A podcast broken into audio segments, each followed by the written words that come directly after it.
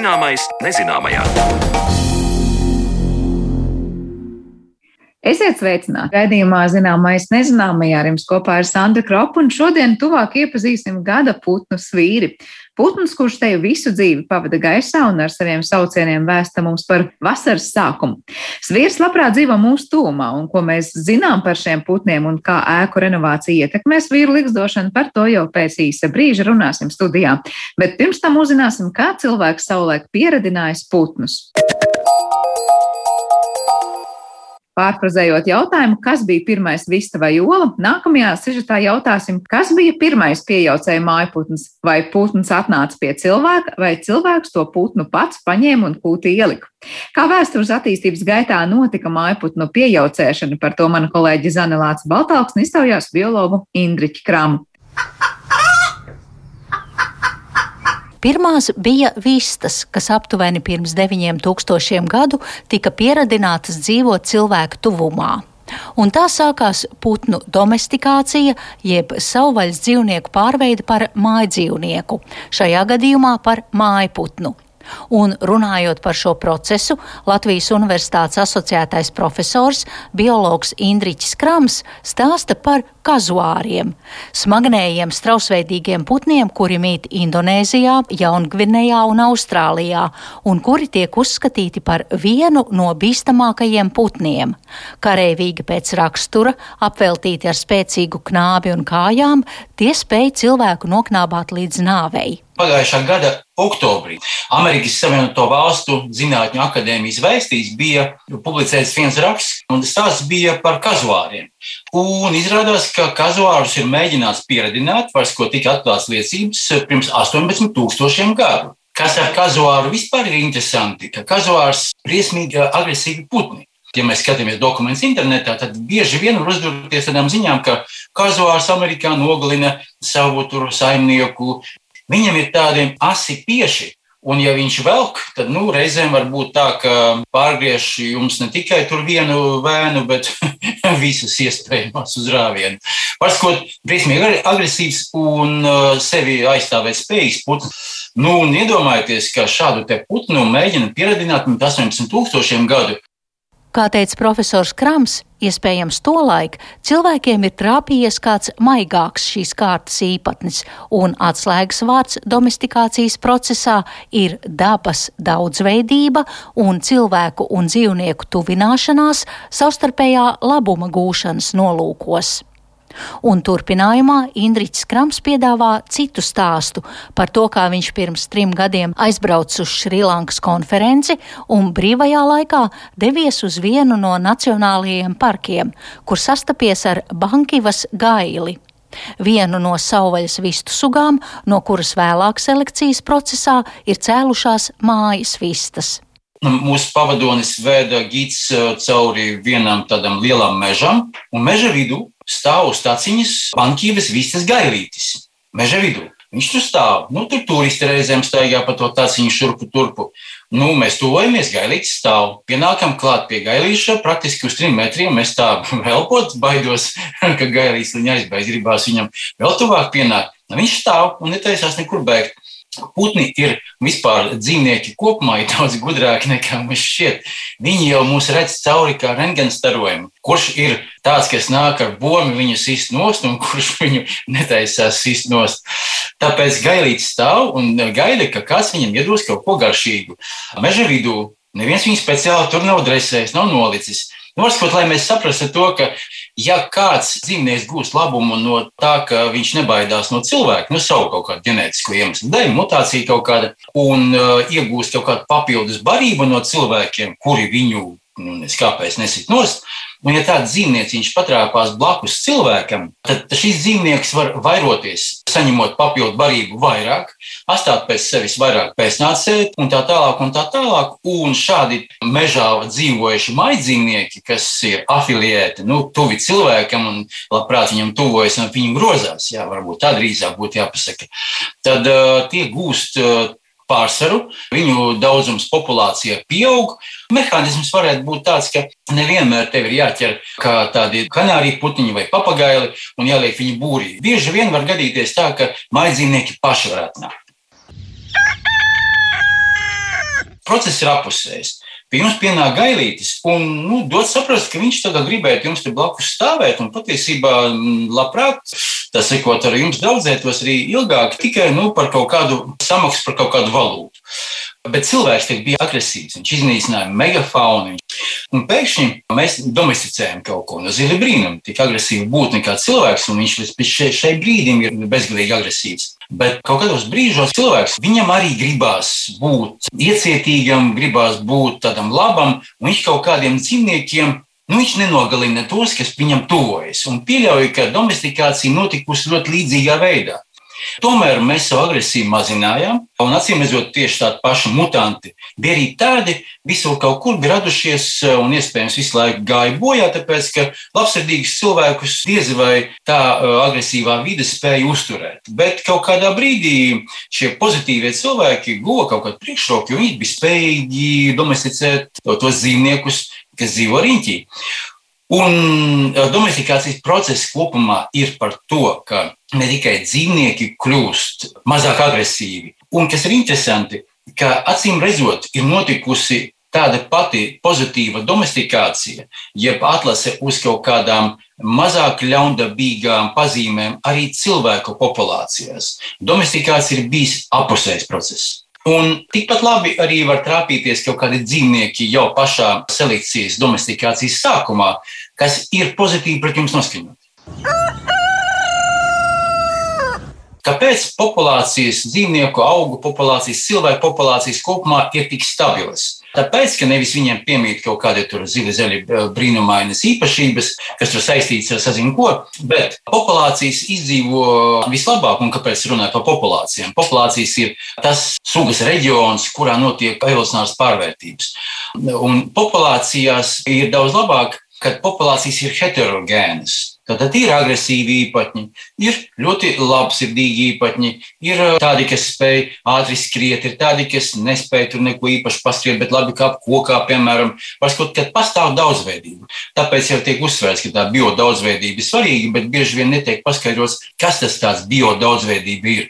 Bieži vien ļoti primitīvā veidā tiek stāstīts, ka vienkārši, nu, kad ir daudz, dažādu sugu. Nē, tas nav par to. Tas ir par to, ka tajās sugās turklāt vēl ir liela ģenētiskā daudzveidība, kas rada ļoti lielu uzvedības daudzveidību, reakciju daudzveidību. Jo ir viena problēmiņa, par ko mēs bieži vien aizmirstam, vai precīzāk, visu laiku aizmirstam. Evolūcija nekad nevar radīt tādu objektu, tādu īpatni, tādu individu vai veselu populāciju, kas sastāv no tādiem individiem, kas būtu superorganismi. Ne zivju populācijas, ne cilvēku populācijas nekad nekas tāds neradīsies. Jo ir viena problēma - tā ir vide.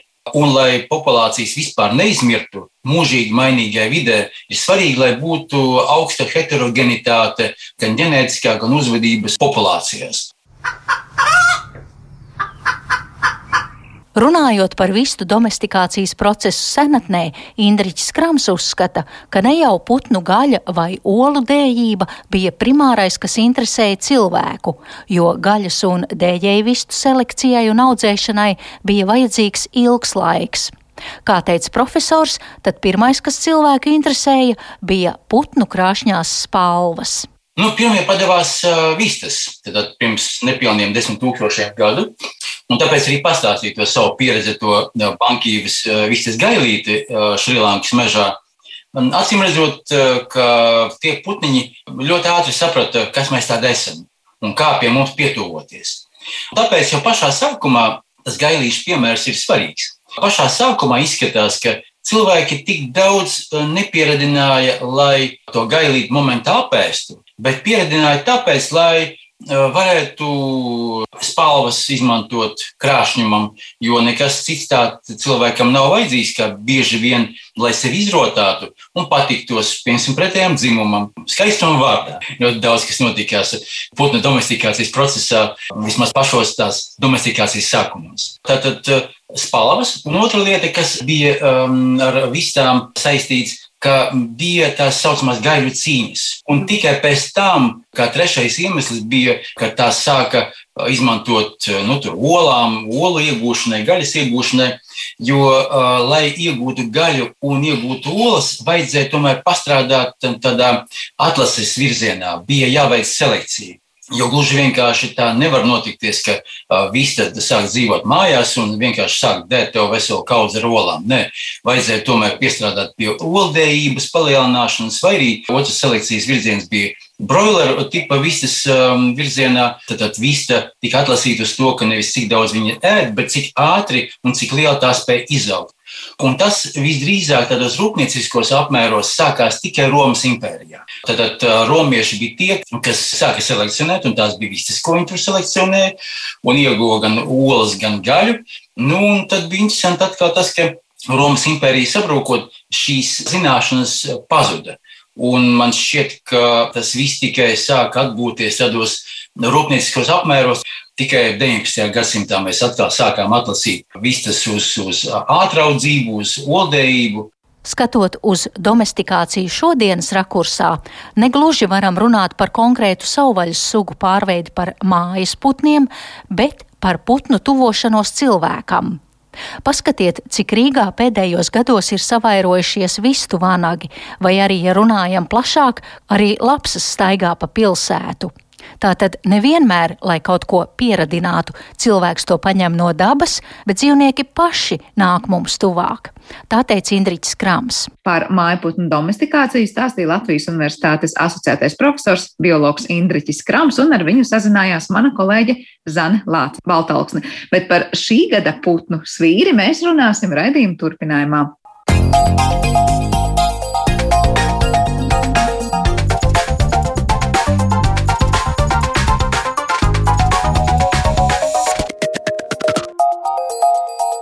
Zināmais nezināmajā.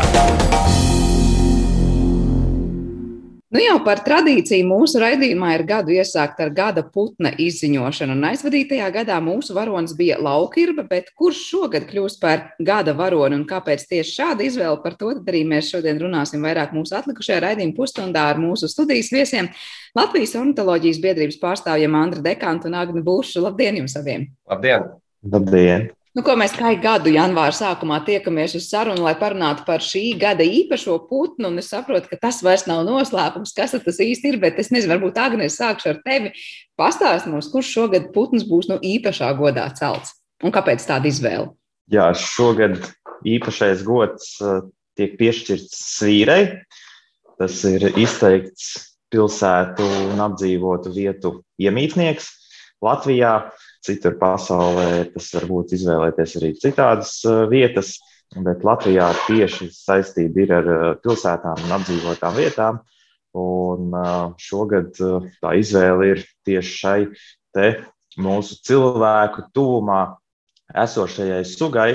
Un, jā, vairāk par to, kāpēc, eh, cik daudz un ko, kā mums Latvijā ar to veicās, pastāstīs mans kolēģis. Bet galvenais, galvenais, ko mēs gribējām uzsvērt, šo saistību ar eh, apdzīvotām vietām, ar eh, cilvēku tuvumu un to, ka mēs to visu, visi varam ikdienā redzēt, likstošanas laikā. Jā, Jā, droši vien, ka arī Andris grib pakomentēt, pirms runāt par pašām svīrēm, ar ko tās interesantas, atšķiramas, sajaucamas vai kā citādi ar citiem putniem. Vai kas piebilstams, kāpēc tieši šī izvēle? Man bija sajūta, ka varbūt ir vērts varbūt par kādu citu putnu, šī gada putnu godam cīnīties. Jā, par to izvēli varbūt mēs vēlāk varam pastāstīt arī vairāk, bet, nu, principā tas ir tā, tā saistība ar cilvēkiem un svīras Ligzdo mm, principā lielo pilsētu, lielākā daļa lielo pilsētu ēkās, kas vēl nav renovētas, un nu, tādēļ arī tāda Eiropā ēku renovācija mm, ļoti būtiski samazina šim putnam pieejamās likstošanas vietas. Un, nu, tas ir tas, ko mēs arī vēlamies celt gaismā un aktualizēt. Likstošanas vieta laikam viens jautājums, bet man atkal palasot par svīriem, liekas interesanti par pašiem kukaiņiem domājot.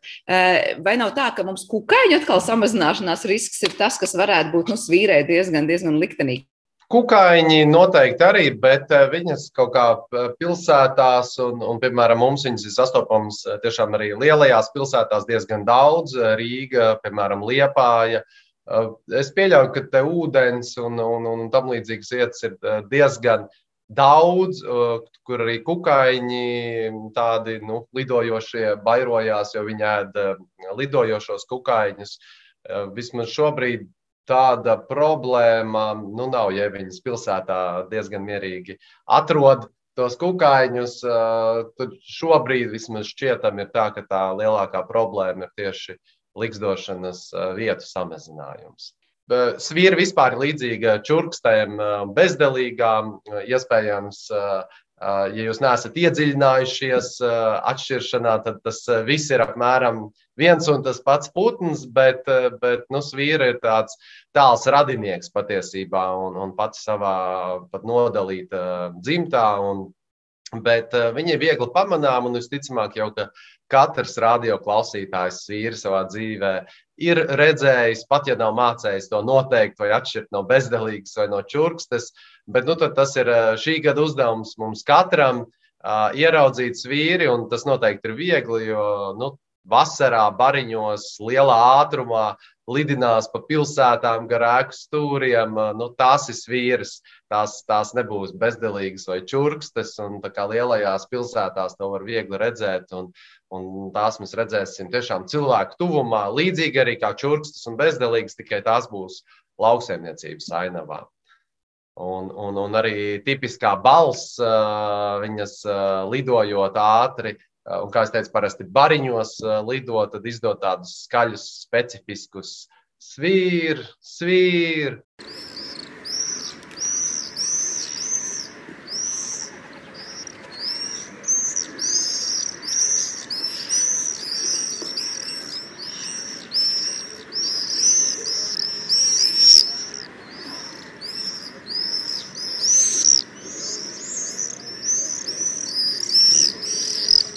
Tāds ļoti vasarīgs sauciens, liekas, un tāda vasaras skaņa ir tikko dzirdēta. Vai mums ir zināms par to, kāpēc vīras un kuros gadījumos izdod šos signālus, vai tas ir tā kā, nezinu, ziņot par savu klātbūtni vai ziņot citiem putniem par savu klātbūtni, tas ir kaut kāds aizsardzības vai es nezinu, kāds sauciens. Kas ir par to ornitologiem zināms? Manuprāt, vīrai tas sauciens ir līdzīgi kā jebkuram putnam. Pirmkārt, tas ir klātbūtnes apliecinājums. Uh, es šeit esmu, vai šī teritorija ir aizņemta. Otrakārt, tas ir uh, sauciens uh, savam partnerim, vai tāds tā kā riesta dziesma, um, ka es šeit esmu, nāc, vai, vai es esmu atgriezies, varbūt šeit ir brīva vieta liksdošanai un, un liksdojums šeit. Un treškārt, tas jā, ir nu, citiem signāls varbūt netik daudz nenāca, varbūt tuvumā, jo, jo šeit to vietu kontrolēju es. Bet nu, tiem saucieniem ir ļoti daudz dažādas veidi, nianses, nozīmes un, un, un nokrāsas. Bet tā kā viņi pārsvarā arī ir tādi bara putni, tad, tad tiem saucieniem nu, nu, viņi drīzāk kā visi kompakti. Es to vairāk uztveru kā tāds prieks un, un, un jauka skaņa. Un ar citu ar šiem saucieniem, ja jūs esat viensētā un arī es tā esmu izdarījis, eh, pielicis vīru būrīti, uzlicis uh, magnetofonā šos vīru saucienus. Uh, tādā veidā piesaistot viņas savā viensētā, un tā viņas man sākušas liksdot. Jā, šie saucieni laikam būs tie, kas noteikti palīdzēs to nesajaukt ar bezdalīgu, bet tikko pieminēja to, ka pilsēta tūmā tomēr tā kā bezdalīgs būtu mazāk.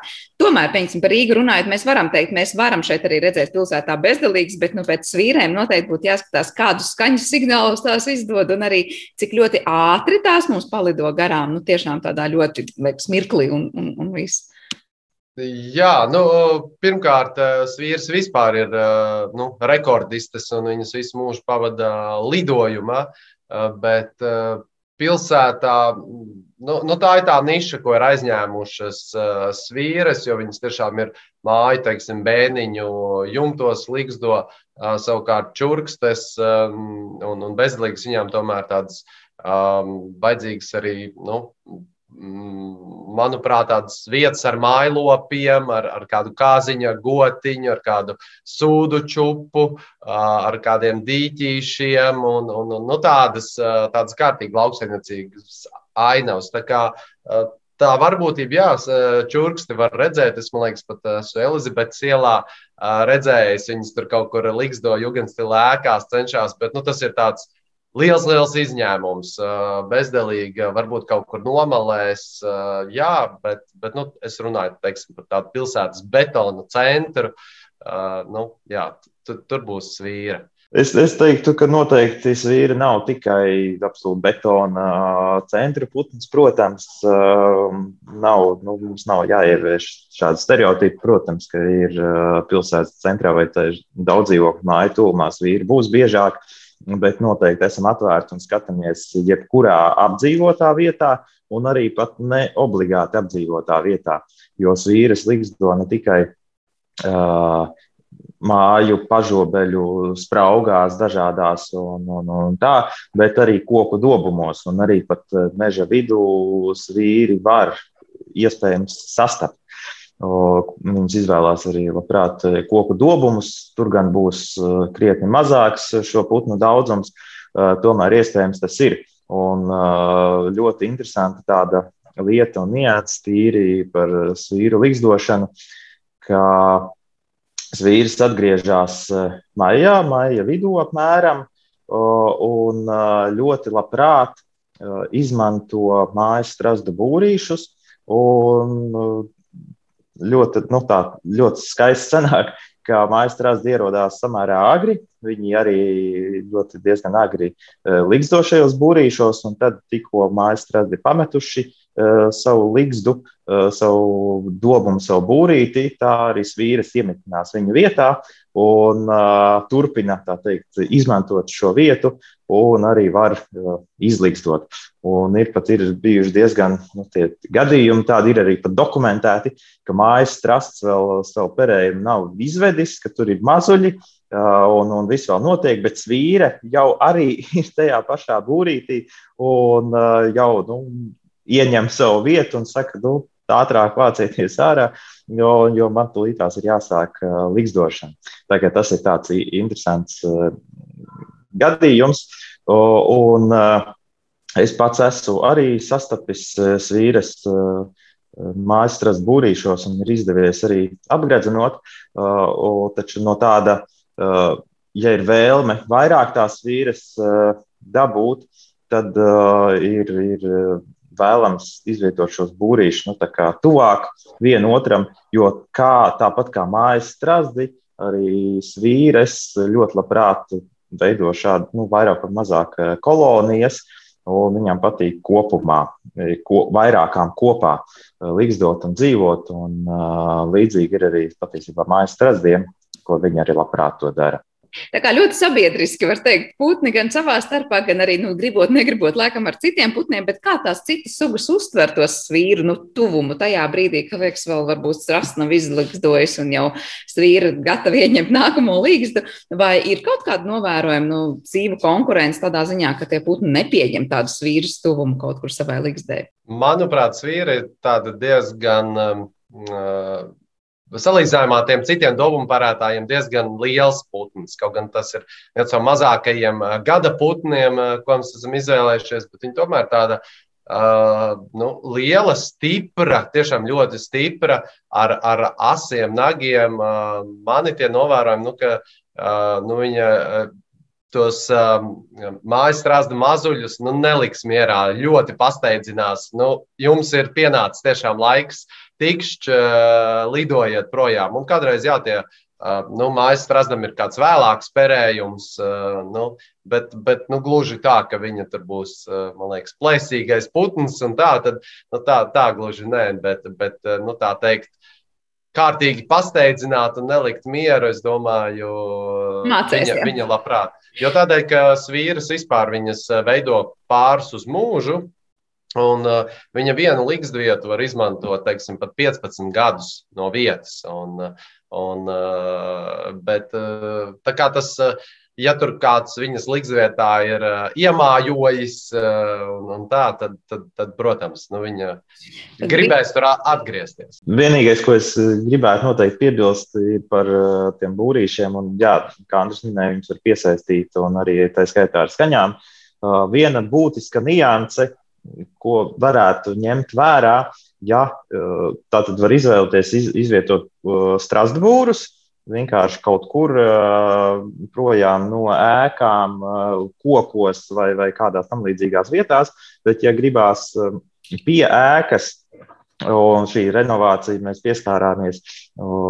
renovā, īpaši renovācijas laikā. Ja grib izvietot būrīšus pie ēkas, tad iesaku vairāk izvēlēties tiesas vīrēm paredzētos būrīšus ar skrēju apakšējā daļā un īpaši tās konstrukcijas.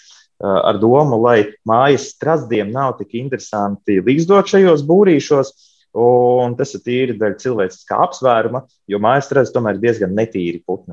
Nu, viņiem tur ir izskanījumi un, un viss, un pie mājas varbūt tas nav pārāk patīkami, bet svīrēm, ar svīrēm nav tik liela tā problēma. Un izvietojot tieši konstrukciju, kas paredzēta svīrēm, tad uh, ir ļoti patīkami pie mājas dabūt šos putnus. Bet, ja tas ir kaut kur citur, uh, ne pie pašas mājas, tad pilnīgi mierīgi var izlikt arī šos mājas strasbūrīšus.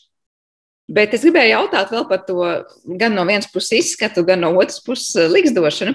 Es saprotu, ka nu, pāri uz mūžu, un tad, kad ir jāparē šie mazuļi, tad gan tēviņš, gan mātīte vienlaikus bieži vien ir liksdā, jo tur ir jāsilda tie mazuļi diezgan izteikti. Un arī tad, kad ir tās dienas lietainās vai vējainās un kukaiņu gaisā nav daudz, tad patiesībā abi putni ir liksdā un, kā saka, mīļi viens pie otra, eh, silda gan viens otru, gan arī mazuļus. Es uh, līdz galam to nepateikšu, bet manuprāt, tomēr aizvien ir uh, viens putns. Parasti nu, tā ir uh, vismaz izplatīts. Viens putns ir sēž uz olām, un, un otrs putns tikmēr ķer vai, vai meklē barību. Pat ja tie mazuļi ir izšķīlušies, jau, tad, tad viņi tiek atstāti vieni paši un uh, svīras abi vecāki lido prom. Viņi var lidot vairākus desmitus kilometrus pat attālumā, uh, pat neatgriezties tajā pašā dienā. Uh, un, un svīru mazuļi pie tā ir pieraduši, jo nu, viņiem jāmeklē, kur, kur ir tie labie laikapstākļi, kur, kur ir tie kukaiņi. Un, um, un, un, un, kā, nu, tas vairāk uh, būs tā, ka jā, tās svīras drīzāk lidos, meklēs eh, barību un varbūt tikai nākamajā dienā atgriezīsies un, un, un, un pabaros. Protams, ja, jo mazāki uh, mazulīši un viņi jāsilda, tad, tad, jā, tad, tad būs tā, ka viens putns noteikti būs iekšā. Un, sildīs viņu. Bet kā ar to kukaiņu noķeršanu lidojuma laikā? Man lasot, vienlaikus nu, pārsteidzoša prasme, vai vēl kādam putnam tas ir tik izteikti, un kā vīrs nu, tiešām spēj to teju visu savu dzīvi pavadīt lidojumā. Jūs saprotat, gan guļ lidojumā, gan atpūšas lidojumā, gan varību mediju lidojuma laikā, un viss notiek lidojuma laikā. Un patiesībā tādā liksdā ir tikai liksdošanas laikā tos dažus mēnešus gadā. Ja? Jā, nu, principā viņa visu savu dzīvi pavada lidojumā. Īpaši jau, eh, ja viņa sāk eh, liksdot tikai četru gadu vecumā, tad nu, sākumā viņa vienkārši nolido to visu laiku. Un, un tas ir kas svarīgi, tad uh, arī no tām atšķiršanas pazīmēm vīri mēs nekad neredzēsim. Teiksim, tupjam uz vadiem, uz, uz, uz ēku koris, kaut kur uz jumta vai staigājam pa zemi kā mēs to varam redzēt, bezdelīgām vai čurkstēm. Viņām ir ļoti, ļoti īsas kājiņas, un, un, un jā, viņas pavada visu laiku lidojumā, bet nav tā, ka viņas vienīgās um, vi, barību iegūst lidojumā. Tā pati čurkste un bezdelīga dara tieši tāpat. Viņām gan ir sadalīts, manuprāt, tas augstuma lidojums, un ka bezdelīgas ir tuvu zemē, Man liekas, čurks ir nedaudz augstāk, un vīrs ir uh, visaugstāk lidinās. Nu, viņas, protams, tur jaucās, bet, bet, uh, bet uh, tas tādi mani novērojumi. Bet, jā, tad uh, svīra, tāpat kā šie iepriekš minētie putni, pilnīgi mierīgi barojās ar tiem kukaiņiem, kas lido uh, gaisā. Un, un, kā tu minēji, tad uh, visu dara arī dzēru lidojumā, teiksim, no, ar knābi vaļā virs ūdens virsmas. Uh, un pat pārojas lidojumā, nu, tas ir kaut kas tāds unikāls, man liekas, un guļ lidojumā, un tad arī viņai viena acis ir cieta, un tad puses smadzenes atpūšās, smadzenes, tad, tad otra acis cieta no otras puses smadzenes izguļās. Nu, tā, tā kā, bet, nu, līgzdot gan nevar vēl lidojumā, to viņi vēl nav iemācījušies. Nu, Jā, redzēsim, ko evolūcijas vīriem virzās, bet, protams, nu, tas izklausās diezgan, diezgan ievērojami prasme. Agni, vai gribēs piebilst kaut ko par tikko mēs pieminējām šīs vīras apbrīnojamās spējas visu darīt savā dzīvē lidojuma laikā? Jā, tas ir, tā ir patiešām tāda unikāla lieta. Un, ja pirms pat neilga laika, vismaz manā pieredzē, bija tāda tiešām, ka viņi tiešām izteikti visu dara lidojumā, visu laiku dzīvo uh, lidojumā un tā, un ka nosēžās uz cietas virsmas tikai šajā likstošanas laikā, uh, tad kaut kā pa, iegūstot papildu informāciju, ka, nu, nevajadzētu arī uzskatīt, ka svīre visu laiku gribētu tikai un vienīgi lidot tā tomēr eh, laikam īsti nav, ka viņi, ja ir iespējams, tad ļoti labprāt arī izmanto šo iespēju atpūsties un būt uz nu, tādu miera stāvoklī nosacītā. To apliecina arī tas, ka, jā, ka viņas diezgan laicīgi, pat ja vēl nav tas likstošanas laiks vai vēl nav iespēja izdēt to olu, tad viņi tomēr ieņem šo likstošanas vietu kopā ar mājas strastiem vai arī kādos citos dobumos, ja vēl nav arī tas laiks un diezgan izmanto šo iespēju nu, būt tajā miera stāvoklī. Tā ir tāda interesanta lieta, par ko nu, teiksim, nākot vairāk tā informācijai klāt, tad mēs varam arī uzzināt. Un līdzīgs stāsts ir arī par to, ka nu, ir šie priekšstati dažādi. Teiksim, ja par bezdelīgām bija tas, ka savulaik uzskatīja, ka viņas ziemo ieraukoties dūņās, tāpēc, ka vienkārši niedrājā vakarā salīd, un no rīta viņi vairs nav tādi, viņas ir ielīdušas dūņās migrācijas laikā. Tāds bija uzskats, tad arī par svīrēm ir visu laiku uzskats bijis, ka, ja svīri nokrīt uz zemes, tad viņi vairs nevar pacelties gaisā, jo ir īsas kājiņas un, un tā. Bet patiesībā veselai pieaugušai svīrei tā izrādās nav liela problēma pacelties arī gaisā no zemes. Uh, Un, ja viņi ir novārgusi vai, vai kaut kas tāds, protams, viņai tā, tas ir sarežģītāk. Un, nu, tā, tas ir tiešām tāds interesants putns, ka ar vien vairāk mēs kaut ko uzzinām, ka šie priekšstati tomēr tiek lausti un jārok tikai tālāk. Bet uh, es iedomājos, cik daudz vīrei ir jāēd pašai, lai visu laiku spētu sevi noturēt gaisā un lidojumā. Un tad jautājums, kāpēc tam putnam neatmaksājas biežāk būt vienkārši miera stāvoklī uz zemes? Varbūt tiešām tur tomēr nu, viņai pārāk grūti vai, nezinu, enerģijas ietilpīgi ir pacelties gaisā. Kādas ir tās versijas? Man liekas, ka viņai diezgan tāds. Uh, pushibernetizācijas stāvoklis un kruīzes stāvoklis gaisā, ka viņi tur tā uh, pusaizmigusi ir, ir nu, kaut kāds izdevīgāks. Iespējams, tas ir arī kaut kāds um, nezinu, aizsardzības varbūt, variants, ka viņi tur jūtās uh, drošāk tajās debesīs, jo um, nu, viņu reti, reti kurš uh, varbūt kāds piekūns uh, ļoti paveicis un, un, un var noķert, bet nu, viņas ir meistarīgākās lidotājas. Eh, iespējams, tas ir nu, izsverot riskus un, un, un tā, tad drošāk eh, varbūt ir gaisā.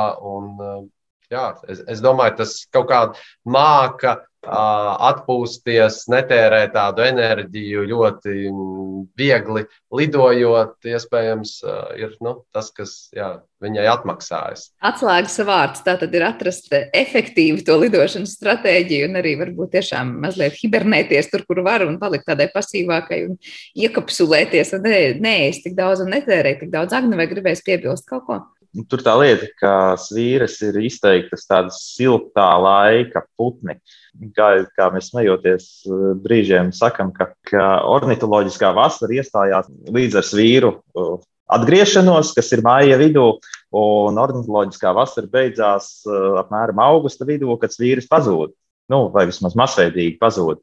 Un tad ir šie trīs mēneši, un tas ir tas siltākais un aktīvākais laiks, kad, nu, vis, kas Latvijā ir un, uh, un pārējā laikā viņas ir projām, kur ir vēl siltāks.